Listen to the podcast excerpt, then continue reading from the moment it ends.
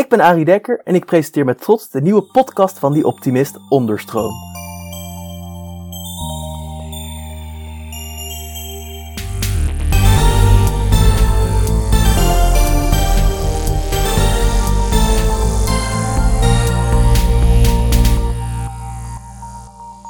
Hallo iedereen! Zoals altijd bieden wij om de week een podium aan mensen en ideeën die meer aandacht verdienen. Vandaag spreek ik verpleegkundige en gezondheidswetenschapper Chantal Walch. Zij vertelt hoe wij de stap kunnen maken naar positieve gezondheid onder het motto van anders denken naar anders doen. Nou, hallo Chantal. Hallo, hi. We gaan het hebben over positieve gezondheid dus. Dat is geïntroduceerd door Machtheld Huber. En dat is echt wel heel uniek. En dan ga jij dus eigenlijk onder het motto gezond centraal ja, dus ertoe komen dat gezond zijn niet alleen maar nou, gezond zijn is, maar veel meer is dan een ziekte oplossen. Dat klopt, dat klopt, ja. Ja, zo, ja, zoals heel veel mensen al weten en voelen en ervaren, helemaal nu in deze tijd, is dat het voorkomen van ziekte, van het virus, van nu het coronavirus, maar of het behandelen ervan, dat dat natuurlijk heel belangrijk is. Dat we daar ook goed mee bezig zijn, maar dat er nog heel veel meer is om gezond te zijn en te blijven. En nou ja, daar gaat het brede concept van positieve gezondheid over. En dat klopt, ik heb dat concept beschreven als vertrekpunt als we de gezondheidszorg zouden gaan verdraaien. En onze gezondheidszorg is namelijk helemaal geen gezondheidszorg, maar is veel meer ziektezorg op dit moment. Is goed en daar mogen we heel trots op zijn. Maar als we echt zeg maar alle obstakels die we nu tegenkomen willen trotseren, dan, dan zal er echt wel iets wezenlijks te veranderen. Ja, ik vind het ook wel. Daar gaan we denk ik dan straks even over hebben. Wat je dus wat echt wat je wil gaan veranderen in de GGZ. Maar laten we dan eerst even dus focussen op nou, positieve gezondheid. Ik denk dat het wel nog wat uitleg nodig heeft. Want als je het zo alleen zegt, klinkt het toch een beetje als nou, niet zo heel veelzeggend, zeg maar. Er wordt dus gezegd dat gezond zijn meer dan fysiek is, maar dat het dus ook mentaal en sociaal is, toch? Dat de zingeving en genieten net zo'n grote rol moeten geven als de ziekte ja, oplossen. Toch? Dat zeg ik goed. Ja, dat klopt, dat klopt. Ik wil nog heel eventjes zeg maar, uh, nog even zeggen dat het gaat over de hele gezondheidszorg. Dus niet alleen de binnen de GGZ, maar eigenlijk binnen heel de gezondheidszorg zijn we de afgelopen jaren ook heel, met heel veel mensen ook echt druk bezig om dat nieuwe concept van positieve gezondheid verder te brengen. En dat concept gaat inderdaad over meer dan niet ziek zijn en meer dan volledige toestand van sociaal, fysiek en mentaal welbevinden. Want als we die definitie die de Wereldgezondheidsorganisatie eh, net na de Tweede Wereldoorlog heeft opgesteld, als we die blijven hanteren, dan zouden we eigenlijk allemaal ziek zijn. Want wie is er nou volledig gezond? Hè? Of wie, is er wie heeft er nou een volledige toestand van sociaal, fysiek en mentaal welbevinden? Iedereen heeft wel eens, wel eens iets en ik vraag wel eens tijdens mijn sessies aan mensen van, goh, ben je gezond met een spleetje tussen je tanden bijvoorbeeld? Of ben je gezond als je doodsbang bent voor spinnen? Of ben je gezond als je griep hebt? Nou ja, eigenlijk zou je al, hè, dan, schudden mensen al een beetje. Bij sommige dingen zeggen mensen van, nou, natuurlijk ben je dan gezond. Sommige mensen denken dan weer wat anders. Maar Eigenlijk zou je, als je de huidige definitie van de Wereldgezondheidsorganisatie blijft hanteren, zou je in al deze gevallen moeten zeggen: nee, dan ben je niet gezond. Want het is geen volledige toestand van sociaal, fysiek en mentaal welbevinden. Dus, en dat is eigenlijk precies de reden waarom Machteld Huber, huisarts, onderzoekster, maar ook zelf ervaringsdeskundige, met een nieuw concept voor gezondheid is gekomen. En zij heeft uh, samen met een aantal mensen over heel de wereld, hebben ze nou ja, eigenlijk deze nieuwe volzin van gezondheid is het vermogen je aan te kunnen passen en, en je eigen regie te voeren in het licht van, nou ja, ik zeg altijd dat wat er ook op je pad komt. Hè. Dat kan zijn een ziekte, een beperking, het verlies, verlies van je baan, van een geliefde. Het kan van alles zijn wat maakt dat je uit balans raakt. Maar hoe je daar dan vervolgens mee omgaat, dat is waar gezondheid over gaat. Hè. Het gaat over veerkracht. En zij heeft die zin opgesteld en uiteindelijk, of ze hebben samen eigenlijk, zijn ze tot deze definitie gekomen. En toen heeft Zon MW gevraagd van, goh Machtel, zou jij dit verder willen gaan onderzoeken en handen en voeten willen gaan geven? En daar heeft zij heel mooi onderzoek naar gedaan. En daar is het nieuwe concept van positieve gezondheid uitgekomen. Met dus zes dimensies en daaronder weer allemaal aspecten. Want mensen zeiden, ja, ik voel me gezond hè, als ik een doel heb in mijn leven. En je zei het net al, zo'n mooie intro. Als ik kan genieten. Dat zijn allemaal aspecten die er ook bij horen. Dus nou, ik geloof dat uit het onderzoek echt wel 500 verschillende aspecten werden genoemd door mensen. En uiteindelijk heeft uh, het NIVEL, het onderzoeksinstituut van de huisarts, heeft gezegd, we, nou ja, we gaan het comprimeren tot uiteindelijk zes. En bij die zes dimensies, daar horen dan ook wel allemaal aspecten. En het mooie is, eh, het gaat dus niet alleen maar om het sociale, het mentale en het meedoen, het sociale stuk, het fysieke, het sociale en het mentale. Maar het gaat ook over inderdaad het zingevingsstuk, een doel hebben in je leven. Het gaat over de kwaliteit van leven, waar we net al over hadden, genieten, maar ook lekker in je vel zitten, de balans tussen rust en activiteit. En daarnaast ook ja, je dagelijkse ding doen en kunnen doen. Zeg maar. Mensen zeiden, ja, dat hoort ook bij me gezond voelen. Dus er is nog zoveel meer wat bijdraagt. Nou ja, dat, en zo'n holistische visie, die vraagt natuurlijk echt wel even wat anders van ons allemaal. Ja, dus hebt zes dimensies en dat zit dan binnen een spinnenweb, toch? En eigenlijk wat voor mij dan dus een beetje het idee is, is dat je een soort van daarbinnen dan lijnen moet trekken van waar zit ik het dichtst bij, toch? Nou, uiteindelijk is het, zeg maar, het concept is verbeeld met die, met die zes dimensies en al die aspecten verbeeld in een web.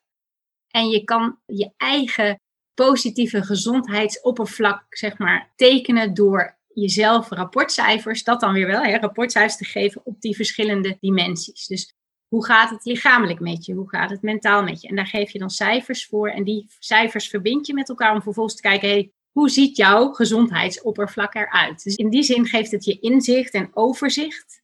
En kan je daarmee ook uitzicht geven over hè, je eigen gezondheid. En het mooie is dat vertrekkend vanuit die positieve kijk op gezondheid, dat je altijd kijkt van wat valt jou nou op in plaats van wat gaat er niet goed. Dus je kijkt wat valt jou nou op en waar zou je al dan niet iets aan willen veranderen. En dat kan dus ook zijn datgene waar je misschien al best wel goed op scoort.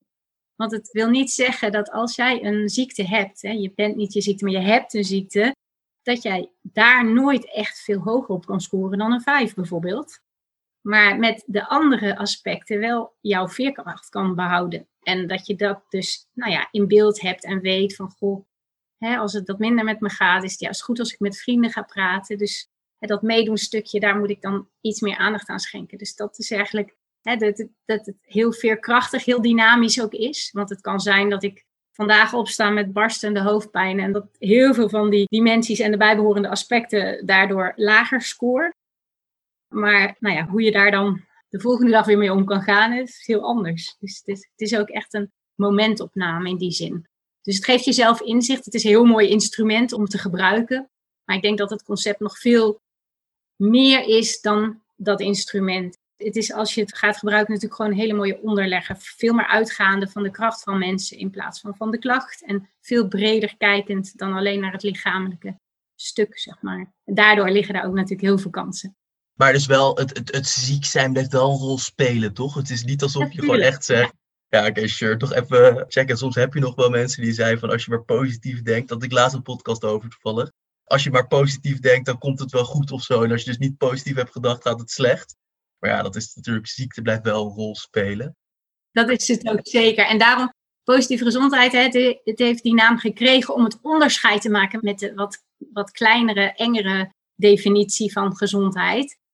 Maar ja, uiteindelijk is het natuurlijk ook een pleonasme. Want de rode bloed, de witte sneeuw, gezondheid, dat wordt vaak ook al geassocieerd met positief. Dus in die zin kan ik me ook wel voorstellen dat mensen af en toe denken van, hm, hoezo positieve gezondheid? Maar het gaat over die brede kijk en al die zes dimensies en, en dus niet alleen maar een klein stukje. En dat is de reden waarom het positieve gezondheid is genoemd. En er zitten natuurlijk ook onderdelen in van de positieve psychologie. Het dankbaar zijn bijvoorbeeld en dat soort elementen zijn allemaal ook elementen die weer daarbij passen. Dus in die zin heeft het natuurlijk wel ook raakvlakken. Maar de hoop is dat uiteindelijk gezondheid, als we het gaan hebben over gezondheid, dat het gaat over die brede kijk. En dat we dus niet meer dan dat, dat enge stukje alleen niet ziek zijn of ziekte, het fysieke gebruiken, zeg maar. Maar er is nog een wereld te winnen hoor, om daar te komen, zeg maar. We gaan het straks ook zeker over hebben wat nou, nou zeg maar, obstakels zijn die ik tegenkom. Maar ik vind wel nog interessant wat je zegt over dat. Ik vind het eigenlijk heel erg nou, psychologisch bijna een beetje klinken. Dus ja, optimist psychologie is natuurlijk iets anders, maar even aan zich. Want het is natuurlijk eigenlijk heel erg, nou, wat psychologie ook doet, is gewoon kijken naar wat zit je dwars in het algemeen. En niet per se wat zit je dwars door die ziekte. Snap je een beetje wat ik bedoel? Dat het, het lijkt wel een beetje of daar ook wel een raakvlak zit, toch? Ja, ik denk, hè, dat is dat holistische ook. Ik denk dat wij zijn heel ver gekomen in de medische wetenschap door alles in hokjes in te delen. Descartes heeft daar natuurlijk een belangrijke rol in gespeeld. Maar we komen er ook steeds meer achter dat dat gewoon eigenlijk niet kan. Wij zijn meer dan één stukje. Onze lichaam en geest zijn, alles is met elkaar verbonden. En wij zijn sociale wezens, wij zijn ook met elkaar verbonden. Dus ja, het, het maakt het misschien ingewikkelder, maar het maakt het ook uh, completer. En denk ik, uiteindelijk levert het ons ook wat op. Maar ja, ik hoor wat je zegt, ik snap wat je zegt en ik denk inderdaad dat het ook zo is. Ja, en het is ook toch gewoon een beetje het geval dat als het niet in hokjes te zetten is, kan je wel heel veel moeite gaan doen om het in hokjes te zetten, maar dan los je gewoon het probleem niet op. Ja, het is makkelijker, maar het is niet zo. Dus toch, ja, dat is ook wel vaker zo natuurlijk. Maar uh, was het maar zo makkelijk, maar het is niet zo. Dus dan kan je eerst je voet in het zand zetten. Maar ik denk wat je nu zegt, dat doet me ook inderdaad denken aan heel veel mensen die meerdere psychische problemen hebben, die gewoon niet de goede zorg krijgen. Dat heeft ook te maken met dat we alles zo ontzettend zijn gaan simplificeren door het allemaal in stukjes te hakken, wat ook wel weer begrijpelijk is, maar daarmee lossen we nu de problemen niet op. En inderdaad zijn er steeds complexere problemen, zeg maar. Dus ik geloof er erg in dat we daar veel meer ook die complexiteit moeten omarmen en uit moeten zoomen om dat te gaan zien en die verbindingen te leggen. Hoe moeilijk dat ook soms kan zijn, zeg maar. Want daarmee is er geen kant-en-klare van A naar B oplossing. Daarmee hebben we niet een diagnose-recept oplossing, zeg maar. Ja, nou, we zijn ook heel ingewikkelde wezens. Dus het zou ook heel apart zijn, nogmaals, als opeens er een one cure for all, zoals ze dat wel eens noemen, zou zijn. Dus eigenlijk hartstikke logisch. Hey, en in dit proces, dus in dit erachter komen, dus nou, wat er veel meer dus in die bredere dimensies aan de hand is, speelt de patiënt ook echt een belangrijke rol. Waar dus eigenlijk het normaal gesproken toch een beetje is, de dokter zegt dit, dit en dit is er mis met jou.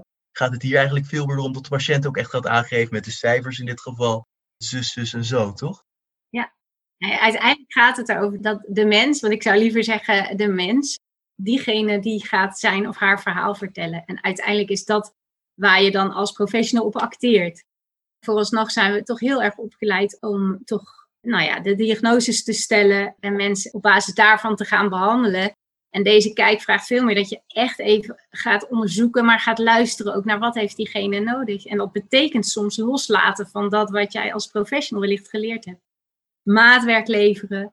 Nou ja, niet iedereen is gelijk, maar verdient een gelijkwaardige behandeling. Dat is vaak mijn motto, hè, wat ik vaak ook zeg. Van, en daarvoor moet je verschil durven maken, ook in je werkwijze. En dat is niet altijd makkelijk, want we zijn als professionals opgeleid in een bepaald stramien met bepaalde regels, protocollen in een organisatie die daar ook nog weer eisen aan stelt. Dus het vraagt best wel lef en leiderschap van mensen om dan daarvan af te wijken. Dus om van die gebaande paden dan toch af en toe af te wijken en te zeggen: nee, op dit moment ga ik het anders doen. En vraagt deze persoon iets heel anders. Hè? En, durf je dat te doen?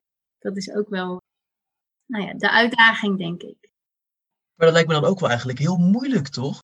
Kan je dan niet ook echt heel erg de fout ingaan, bijvoorbeeld? Ik denk dat er best wel wat luisteraars zullen zijn die dan denken van nou, wat nou als die zegt ik wil mijn hond zien en dan nou blijkt dat er op die hond iets zit of et cetera. Weet je wel? Er is een reden waarom die begaande paden zijn gemaakt. begaan zijn. Ik ben zelf heel enthousiast over het pleidooi van bijvoorbeeld Albert-Jan Kruijten en Sophie Albers van het Instituut voor Publieke Waarden. En zeg maar de wijze praktijken van professionals, daar schrijven zij over, over deugden en over waarden, zeg maar. En dat we allemaal wel opgeleid worden met onze competenties. En dat we in een context komen waar dingen anders zijn. En dat we dan ook echt wel de goede keuzes maken. Tussen domme en verstandige keuzes. Tussen al die verschillende waarden. Dat we daar echt heus wel de goede keuzes in maken. En dat we daar ook op mogen vertrouwen. En tuurlijk zullen er af en toe dingen niet goed gaan. Maar ik denk dat dat wel ook een hele belangrijke is dat we die waardes en wat we van waarde vinden ook centraal stellen. Want wat is belangrijker? Het voorbeeld dat je net gaf vind ik wel mooi. Ik kom ook af en toe wel in woonzorgcentra. En daar komen dit soort dingen natuurlijk aan bod. Van, laat je nou de dieren op bezoek komen? En wat betekent dat dan qua hygiëne hè? of qua veiligheid? En wat is van waarde voor wie? En dat je dat goed met elkaar bespreekt, is denk ik echt heel waardevol. en ontzettend belangrijk. Want we hebben het vaak over normen en waarden, maar eigenlijk is het natuurlijk andersom. Een waarde is een richtinggevend ideaal. En de norm is hoe je daarnaar handelt. En als we dat goed met elkaar bespreken en goed helder hebben, ja, dan is hoe je daarnaar handelt natuurlijk, dat, is, dat vloeit daaruit voort. En dan hebben we daar niet hele strikte wetten en regels voor nodig, maar dan handelen we in de geest van wat we van waarde vinden met z'n allen. En dat wil niet zeggen dat je altijd afwijkt. Hè? Dat wil zeggen dat er een bepaald pad is en dat je dat pad bewandelt. En als het even afwijkt, dat je dan die vraag gaat stellen van oké, wat is van waarde voor wie? En welk zijpad ga ik dan nemen? En ik denk dat nou ja, dat we daar ook in opleidingen en in uh, onderwijs ook nog veel meer mee zouden kunnen doen. Ik heb een mooi gesprek, maar dat is al heel lang geleden, een gesprek gevoerd met de co-auteur van uh, Verdraaide Organisaties, hè, van Wouter Hart, dus Marius Buiting. En die gaf ook aan van, vanaf heel jongs af aan leren we eigenlijk niet meer om zelf te mogen denken. Om die creatieve ruimte zelf te pakken. En ik denk dat daar wel heel veel kansen verloren gaan om mensen die ook in hun latere loopbaan, zeg maar, die ruimte te geven om inderdaad te kijken van oké, wat is dan het beste pad? En waarom kies ik wel of niet voor het een of het ander, zeg maar. Ja, dus eigenlijk veel meer werken vanuit een einddoel en niet van hoe je er komt, als het ware. Dus je wilt naar iemand is dus gelukkig, iemand zit gewoon goed in zijn vel, iemand gaat gewoon goed. En dan moet je dus niet 700 regels over je medicijnen, nou medicijnen misschien dan net nog wel, maar je snapt wat ik bedoel, hoe je ziekte behandelt, hoe je dit doet, hoe je dat doet. En dat dan weer uit een hokjes, zoals jij zegt. Maar we moeten gewoon zeggen, wij willen hierheen. Hier heb je voorbeelden. Ik denk dat die regels best als voorbeelden kunnen dienen, toch? Als het ware. Dat je wel een beetje al, nou, bijvoorbeeld dit werd op deze manier opgelost. Dat je wel een beetje weet van, oh, dus dat kan wel op die manier werken. Maar dat je dus gewoon durft om eigenlijk een beetje op een soort slangenpad in plaats van recht, ook al gaat het mis, recht door zee, recht door alles, nou, bij je eindpunt te komen, toch? Ik denk dat dat dan een beetje is waar dit heen wil, als het ware. Ja. Ja, ik denk dat je heel erg werkt van wat is nou de bedoeling? Wat is nou de bedoeling? Dat mensen betekenisvol, gelukkig, gezond leven kunnen leiden. En hoe je daar naartoe gaat. En dat betekent natuurlijk voor ieder ook weer wat anders. Voor de een zal het betekenen dat ik mijn familiewekelijks kan bezoeken. Als ik even weer denk aan het woonzorgcentrum bijvoorbeeld. En voor de ander betekent dat dat ik lekker iedere avond mijn maaltje zelf bijvoorbeeld kan klaarmaken. Voor iedereen betekent dat ook weer wat anders. Dus dat is denk ik ook heel belangrijk, dat je goed luistert naar elkaar. Waar wil je nou naartoe? En wat heb jij daarvoor nodig om daar te komen? En dat varieert bij iedereen, zeg maar. En wat ik nog net wel zat te bedenken, wat wel, volgens mij, we hebben het dan over waarden en we zijn het heel vaak wel eens over dezelfde waarden, maar hoe we ze gaan prioriteren ligt vaak anders. Dus als je kijkt bijvoorbeeld in een, verpleeghuis, dan heb je het over veiligheid, maar ook vrijheid is vaak een issue. Hè? Van hoe kan iemand nou toch vrij zijn of toch wat eigen regie. En hoe ga je daar dan mee om? En wie bepaalt wat prevaleert? Wat is belangrijker? Het een of het ander. En ik denk dat je daar goed ook het gesprek over zou moeten aangaan om uiteindelijk daar te komen waar je naartoe wilt. Ja, dus er is zeker ook nog wel wat werk aan de winkel. Het is niet alsof je gewoon kan zeggen, positieve gezondheid staat nu. Maar misschien wel goed om daar al een beetje prioriteit aan te geven. Of dat denk ik dat jij dat dan vindt. Dat we eindelijk eens gaan zitten met z'n allen en gaan zeggen, nou, hoe gaan we dit inrichten? Waar liggen onze idealen? Waar willen we heen? In plaats van dat we dus maar blijven zeggen, we blijven in die hokjes. Ik ga jou forceren, ook al lig je te huilen op de grond, blijf ik in dat hokje zitten. Want het moet allemaal maar goed komen. Ja. Ik, ik, kan nog wel één voorbeeld geven. Wat ik, onlangs had ik het trouwens weer aangehaald. Wat ik een heel bijzonder voorbeeld ook vind. Dat was ook dan in dat woonzorgcentrum. Dat een oudere dame gewoon niet haar kleding uit wilde s'nachts voordat ze ging slapen. Omdat ze werd daar heel boos van. En dus ze kreeg medicatie om rustig te worden en om te slapen. En uiteindelijk, als je dan echt luistert naar wie is zij en wat is haar achtergrond, bleek dat ze verloskundige was en slaapdiensten had. En in die, tijdens die slaapdiensten in haar tijd, dan bleef ze met haar kleren aan slapen. Als je daarachter komt en dat weet, dan kan je dat loslaten. Maar dan vraagt dat ook nog van professionals die vinden dat het eigenlijk niet hygiënisch is om met je kleding aan te slapen ook nog wel even loslaten van oké, wat is hier belangrijker? En uiteindelijk heeft die mevrouw helemaal geen medicatie meer nodig gehad, want ja, was ze gewoon rustig omdat mensen accepteerden dat ze in haar kleding naar bed ging. Maar nou ja, dat zijn denk ik van die hele belangrijke elementen die je als je werkt vanuit gezondheid en echt de mens ziet, dat je daar dan ook in mee beweegt en kunt bewegen, zeg maar. Uh, ja. ja. het blijft dus heel speels eigenlijk. Het is echt gewoon heel erg ja, soepel gewoon. Maar in plaats van nou, vasthouden aan dingen, toch? Ja, leuke woordgebruik daarvoor. Ja. ja, het is eigenlijk wel meebewegen. Ja, als jij dit zo zegt, vind ik dat ook heel terecht. Waarom laat je mevrouw niet in haar kleren slapen. Als ze daar gelukkig van wordt, doet dat denk ik meer goed dan dat je haar dwingt. Zonder dan dus nou, net iets hygiënischer bent. Al vind ik dus wel ook het interessante eraan, dat las ik namelijk dan toevallig op jouw website. Preventie speelt ook best wel een rol. Het is bijvoorbeeld zo dat, dit las ik dan weer op een andere website, heel veel websites, internet, dat 25 à 30 procent minder doorverwijzingen waren bij een artsenkliniek die dus deze positieve gezondheid toepaste. Dus het heeft juist ook wel echt, denk ik, een preventieve functie, toch? Het is dus niet per se als je al ziek bent, dat je dan pas de zeshoek, het web voor je krijgt, toch? Nee, dat klopt. Ja, um, zeg maar in 2012 zijn we samen met een aantal mensen in de Noordelijke Maasvallei met het netwerk Positieve Gezondheid Noordelijke Maasvallei gestart. Daar was Machteld bij betrokken, Machteld Huber en Hans-Peter Jong. En Hans-Peter Jong is een huisarts die inderdaad uiteindelijk anders is gaan werken. Hij heeft gezegd, ik wil gezondheid, positieve gezondheid als vertrekpunt in mijn huisartspraktijk en kijken wat dat betekent voor mijn werk, voor de manier waarop ik samenwerk. Nou ja, hoe ik de dingen organiseer, maar ook hoe ik het financier of gefinancierd moet krijgen. En dat heeft hij gedaan. En wat bleek nou inderdaad? 25% minder doorverwijzingen naar de tweede lijn. Want zo zegt hij dat ook altijd. Hè? Het is makkelijker om een verwijsbrief te schrijven dan om een nee te verkopen. Hè? Dan om mensen uit te leggen van nou misschien is wat u nu heeft, heeft wel te maken met dit of dat. Of, of gaat over twee weken, is dat wel weer over. Of kom terug over twee weken, dan gaan we het nog eens een keer bespreken. Zeg maar. Dat kost natuurlijk veel meer tijd en inspanning. En uiteindelijk heeft dat andere gesprek voeren, levert dus wel heel veel meer op. Mensen voelen zich gehoord, gezien. Uiteindelijk is het voor jou als professional natuurlijk leuker als je even wat tijd kan nemen voor dat andere gesprek. En nou ja, je ziet het, levert het dus uiteindelijk financieel ook wat op. Ja, als het werk werkt. Ja, en als het werk werkt. Alhoewel dat natuurlijk ook wel weer wat voet in de aarde heeft. Uiteindelijk heeft ons BTU een andere manier van financiering gekregen. Dat was eerst gewoon een tijdelijk iets.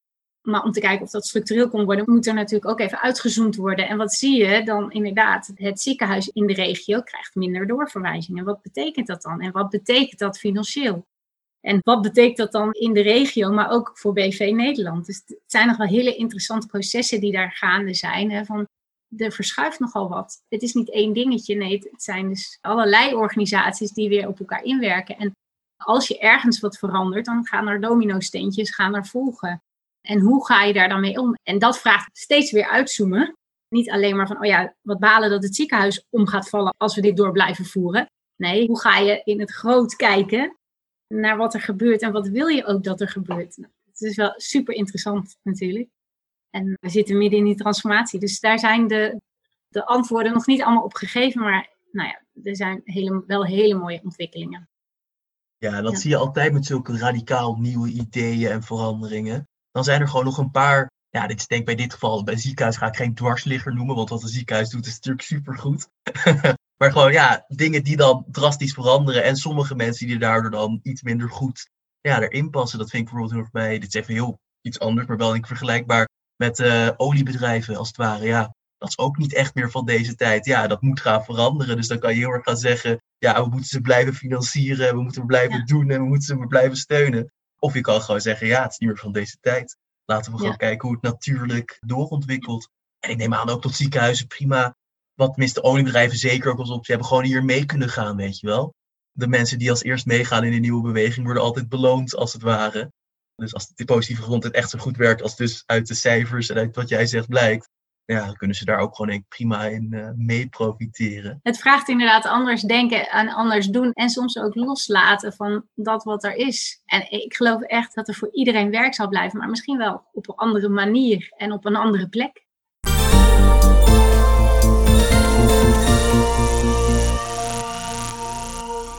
Ja, en ik denk dat dat ons heel mooi nu een bruggetje geeft naar jouw bedrijf Anders Gezond je hebt dus echt een bedrijf hiervoor gestart die zich echt inzet, dus volgens mij, om dit te bewerkstelligen, toch? Dus jij bent echt ja, veel actiever hierin gedoken, ja toch?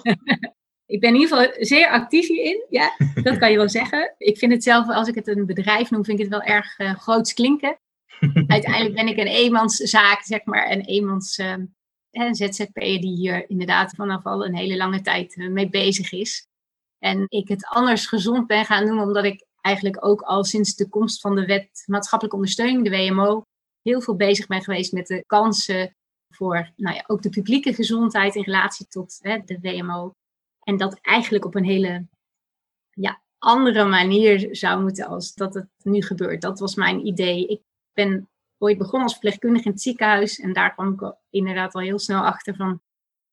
Of tenminste, dat voelde heel erg zo dat ik dacht, ik ben water naar de zee aan het dragen. Ik werkte op de interne afdeling, moest mensen naar de rookkamer, wat toen nog was, hè, rookkamers brengen, zuurstof afkoppelen. En dat, weet je, als je opgeleid bent als verpleegkundige, dan, is dat ook, dan doe je dat natuurlijk. Ik bedoel, en je wilt ook dat mensen ook op het laatst gewoon nog een fijn, even nog fijne momenten hebben. Maar het voelde wel als een soort van ja, tegenstrijdigheid. Ik dacht van jeetje, waar ben ik eigenlijk mee bezig? Moet ik niet veel eerder in het traject, hè? dit is echt de ziektezorg, moet ik niet veel eerder in het traject ook al iets gaan doen? Kan ik daar niet iets mee? Dus dat is waardoor ik ooit echt naar, anders naar gezondheid ben gaan kijken, ook veel breder. Het is niet alleen maar het individuele stukje, maar veel ook het collectief. En wat kunnen we collectief doen in de maatschappij? En ik denk dat daar ook nu enorm veel kansen liggen. Dus van ziektezorg ben ik eigenlijk opgeschoven naar gezondheid en gedrag. Want ik ben ook gezondheidswetenschap in Maastricht gaan studeren met dit als thema, gezondheid en gedrag. Waarbij toen ook al wel heel erg het publieke stuk werd meegenomen. En ik denk dat we langzaam nog veel meer op kunnen schuiven naar dat mens- en maatschappijstuk. Dus dat we in onze maatschappij, nog voordat we überhaupt bezig gaan met leefstijl en met gezondheidsbevordering, dat we in onze maatschappij, dat we veel meer bewust moeten zijn van wat er gebeurt. En daar elementen in moeten gaan veranderen om te voorkomen überhaupt dat mensen ziek worden.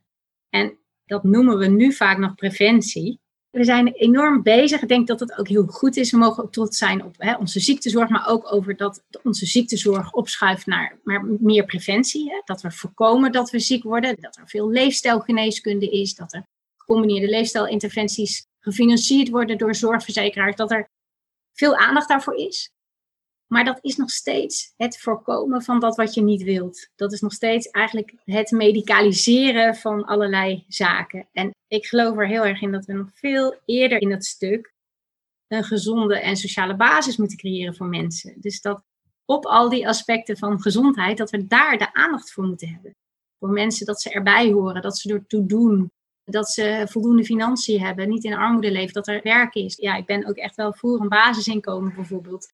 Dat die achterliggende en onderliggende problematiek, dat we die aandacht geven en dat we zorgen dat er een gezonde en sociale basis is voor iedereen. In plaats van dat we dweilen met de kraan open als mensen te zwaar zijn of verslaafd aan roken. Natuurlijk moet daar ook echt iets gebeuren, maar ja, daar nog voor ligt volgens mij het creëren van een gezonde en sociale basis. En dat noem ik zelf core. Dus je hebt naast core, cure, care, preventie, promotie, heb je dus die basis. En ik zou dat ook een aparte naam willen geven, omdat ik denk dat we daar anders te weinig aandacht voor hebben of het toch langs ons laten lopen. Binnen de gezondheidszorg, zeg maar, wordt vaak gezegd van ja, maar ja, als iemand in armoede leeft, we zien vaak nu al wel de verbanden. Maar daar echt naar handelen en het een handelingsperspectief noemen en dat een naam geven, dat doen we nog niet. Dus ik geloof erin dat daar ook nog kansen liggen om het een plek te geven. Ja, je bent er dus al heel lang mee bezig. Heel veel mensen zijn er al heel lang mee bezig. Een overwinning was volgens mij bijvoorbeeld jullie in de gemeenten A, Koevoorde en Hardenberg. Alle drie hebben nu toch positieve gezondheid toegevoegd. Aan de, het wordt er beoefend, dus dat denk ik al mooi. Maar ik denk wel dus dat het nog steeds best wel een beetje tegen wordt gewerkt, als ik het zo hoor. Want ja, als iedereen het gewoon zou omarmen, zou het nu al bezig zijn, lijkt me. Wat houden jullie nou tegen? Ik denk misschien dat het niet helpt dat best wel veel bijvoorbeeld roken en dat soort dingen, en ja, dus overgewicht. Daar speelt natuurlijk best wel ook wat kapitalistisch-achtigs een rol. Maar misschien heb je ook nog andere dingen waar je nou echt wel tegenaan loopt. Waar jij denkt, nou, ik en anders gezond zijn hard bezig. Maar dit maakt het wel moeilijk hoor. Ik zie het wel als uitdagingen en ik zie ook heel veel kansen. Want ik geloof wel afgelopen jaar heeft in de landelijke nota gezondheidsbeleid heeft positief gezondheid heel nadrukkelijk een plek gekregen. Positief gezondheid, achterliggende problematiek, dus armoede en schulden en dat, dat soort zaken. Samenwerking. En het leuke van die landelijke nota is dat die landelijke nota meegenomen wordt regionaal, vaak door GGD'en, en vervolgens weer vertaald wordt door de gemeentes in hun lokale nota's. Dus beleidsmatig zit het denk ik wel goed. En het stond ondertussen al in 51% van alle lokale nota's van gemeentes. En dat is alweer een tijdje geleden uitgezocht. Dus er zullen inmiddels echt wel wat meer nota's zijn. Wat denk ik grootste drempel is, wat ik zie zelf ook nu. Ik veel bij gemeentes ook meewerk en denk en doe aan bijvoorbeeld de preventieakkoorden, maar ook de nota's.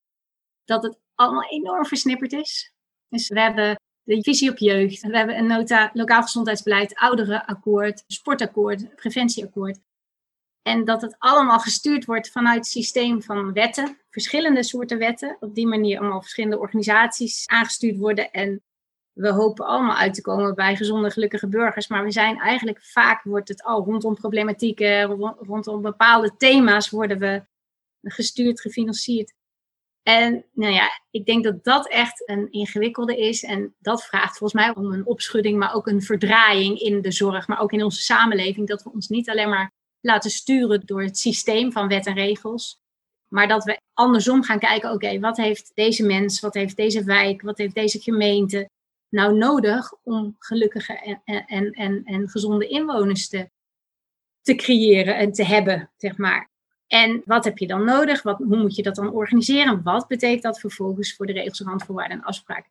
Maar het is best een uitdaging om te kijken hoe je dat dan doet. Want hè, we worden allemaal als professionals ook weer gestuurd vanuit die wetten en regels. En ik zit bij verschillende gemeentes aan tafel waarbij dat ook echt een dingetje is. En ja, maar vanuit mijn wet en vanuit wat ik moet realiseren, vraagt het dit of dit. En ja, ik hoop dat we uiteindelijk echt andersom kunnen gaan kijken en werken. Dus andersom bedoel ik, mee dat we los van het systeem eerst kunnen kijken wat is er nodig en hoe kunnen we dat mogelijk maken. In plaats van wat is er mogelijk vanuit onze wet en regelgeving.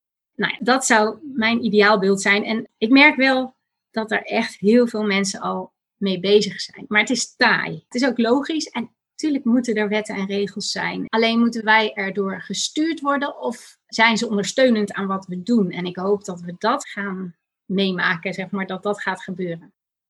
Dat is inderdaad het aan wetten en regels, die staan meestal ook met een reden, maar dus bij dit soort dingen onhandig genoeg wel echt vast. En dan sta je er maar omheen te dansen. En ik snap dat jij dan zegt, nou, waarom maken wij niet gewoon tot wetten en regels weer ons gaan dienen in plaats van andersom? Toch vind ik het wel dan interessant wat jij zegt zelf. Dit heb ik voor mij van je website dan op, misschien uit je boek. Zeg je, ik ga het maar gewoon even helemaal voorlezen, dit is wel een klein quoteje echt. Ik wil geen nieuwe schotten opwerpen door nieuwe filosofieën en methoden te introduceren, maar juist de gemene deler halen uit de beweging en bijbehorende werkwijze waar we volop mee bezig zijn. Dat vind ik een mooie quote. En ik, ja, dus jij zegt wel echt dat je binnen het systeem wil blijven, maar toch, alles wat ik tot nu toe heb gehoord, zijn allemaal best wel ja, pittige veranderingen. Zoals je zelf ook zegt, het systeem werkt ook best wel tegen. Die gooit best wel de horens op. Maar hoe ben je dan van plan om dit dan toch nog binnen het systeem te doen? Is dat dan dus dat wetten moeten daar naar werken? Is dat je het soort van omvormt? Of wil je toch het op een andere manier erin gaan betrekken? Ja, ik denk dat de mooiste quote die ik ooit hoorde was van een van de huisartsen in een Hagro-bijeenkomst in Bergen. Dat er een discussie kwam van ja, ja, maar wat we nu willen, dat is toch het systeem omgooien en zo. En dat kan toch niet?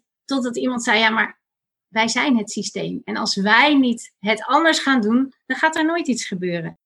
Heel veel wat we doen is echt goed. Dat is optimalisatie van waar we in zitten.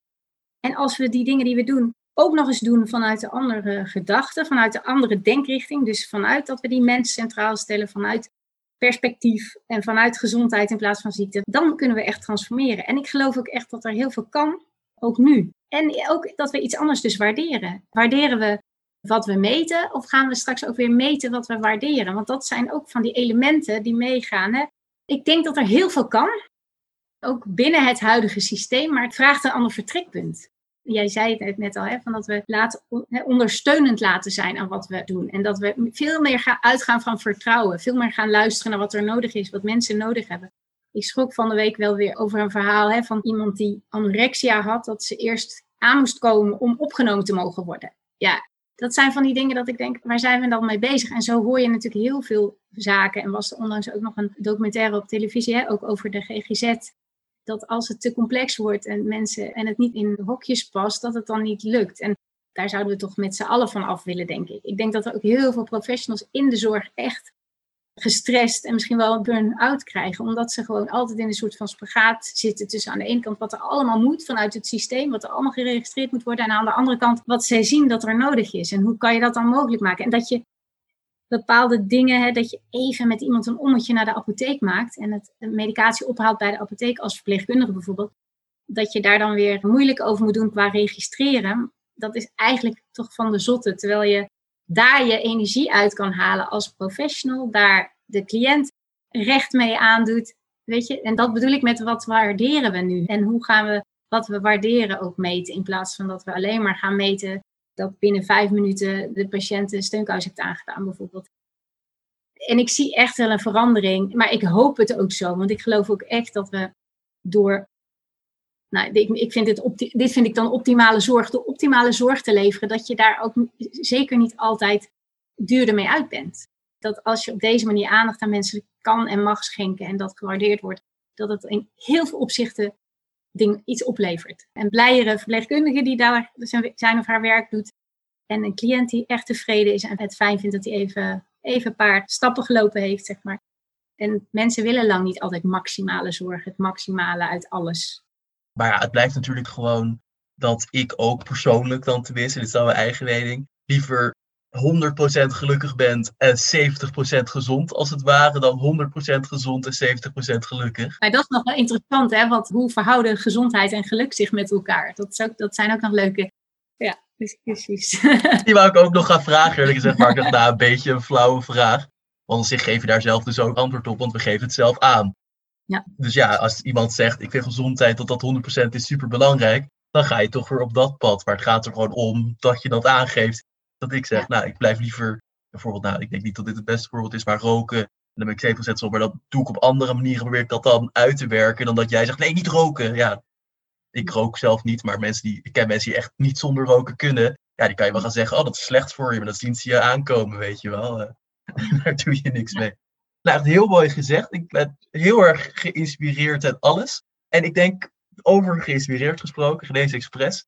Dat is namelijk ook wel voor mij, dat, dan las ik dat dat ook echt een belangrijke rol speelt binnen hoe jij de dingen aanpakt. Ik denk dat het een mooie afsluiter is. Namelijk, jij wilt dus mensen, ook gewoon de normale, dus aanhalingstekens natuurlijk, mens, dus niet per se het zorgpersoneel en alles, eigenlijk inspireren, toch? Dat is hoe jij ziet dat dit in ieder geval deels gaat gebeuren ja, ik denk dat is een eerste stap, zeg maar. Ik noem het ook wel eens een soort van de grond bewerken.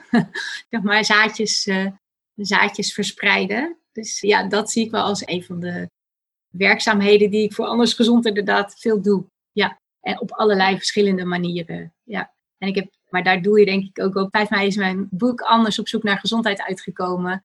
En dat is inderdaad bedoeld om net weer op een iets andere manier mensen te inspireren. Wat is nou gezondheid? En wat heeft nou allemaal met gezondheid te maken? Want gezondheid is meer dan dat wat voor ons als persoon geldt. Het is ook belangrijk hoe is jouw omgeving, hoe is de plek waar je woont, maar ook dat we gezond omgaan met de planeet en dat dat ook weer invloed heeft op ons als persoon. Nou, ik werd in september echt letterlijk wakker om vier uur s'nachts met het idee van, ja, jeetje, Sjan, je bent al zoveel jaren bezig met professionals, hè, met het inspireren en ondersteunen bij het transformeren van professionals in organisaties. Maar zou je niet ook moeten beginnen bij kinderen? En ik werd wakker met echt heel veel verhalen in mijn hoofd. en die ben ik allemaal gaan opschrijven, tot ik bij uh, verhaal 20 was en dacht van, wow, wat ben ik eigenlijk mee bezig? Ik ben natuurlijk helemaal geen kinderboekenschrijfster of uh, maar goed, uiteindelijk kwamen er mensen op mijn pad die zeiden van ja, maar hier moet je mee doorgaan. Want uiteindelijk hebben we allerlei middelen nodig, allerlei tools nodig om de boodschap verder te brengen. En verhalen is een bewezen effectieve van vroeger uit, zeg maar. Nou, bewezen effectief, klinkt dan weer zo wetenschappelijk, maar uiteindelijk gaat het erover dat we ook de verbeeldingskracht hebben van waar we dan naartoe willen. En daar ben ik dan weer door geïnspireerd van oké, dan ga ik verder met waar ik mee bezig ben. En uiteindelijk heeft dat geresulteerd in Anders op zoek naar gezondheid. Een boek met 42 verhalen over gezond zijn en blijven. Het zijn korte verhalen. Anders is geen jongen, geen meisje. Anders gaat op zoek naar de schat, de gezondheidsschat. Want ja, anders hoort van iedereen dat gezondheid belangrijk is. Maar wat is het dan echt? En onderweg ontmoet Anders boom en maan en allemaal andere dieren. Die gesprekken voeren over allerlei aspecten van gezondheid. Dus over erbij horen, over jezelf accepteren, over bewegen, over slapen. Alle dimensies en alle 42 daarbij behorende aspecten komen aan bod. En uiteindelijk komt anders erachter dat gezondheid zoveel meer is dan niet ziek zijn. En dat we met elkaar verbonden zijn. Dat dat enorm belangrijk is, ook in hoe gezond je bent. Dus uh, nou ja, met die boodschap hoop ik nog meer mensen te inspireren en vooral ook kinderen. Nou, je kan niet jong genoeg beginnen. je kan niet vroeg genoeg beginnen. Nou, ik hoop dat als ik later oud ben, ik ook gewoon in mijn kleren mag slapen.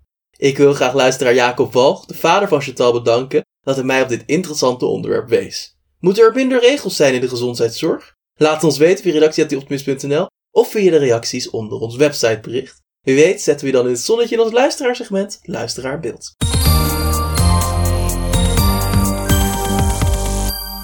Deze week tipt luisteraar Sander Galjaard over zijn eigen onderwijsinitiatief.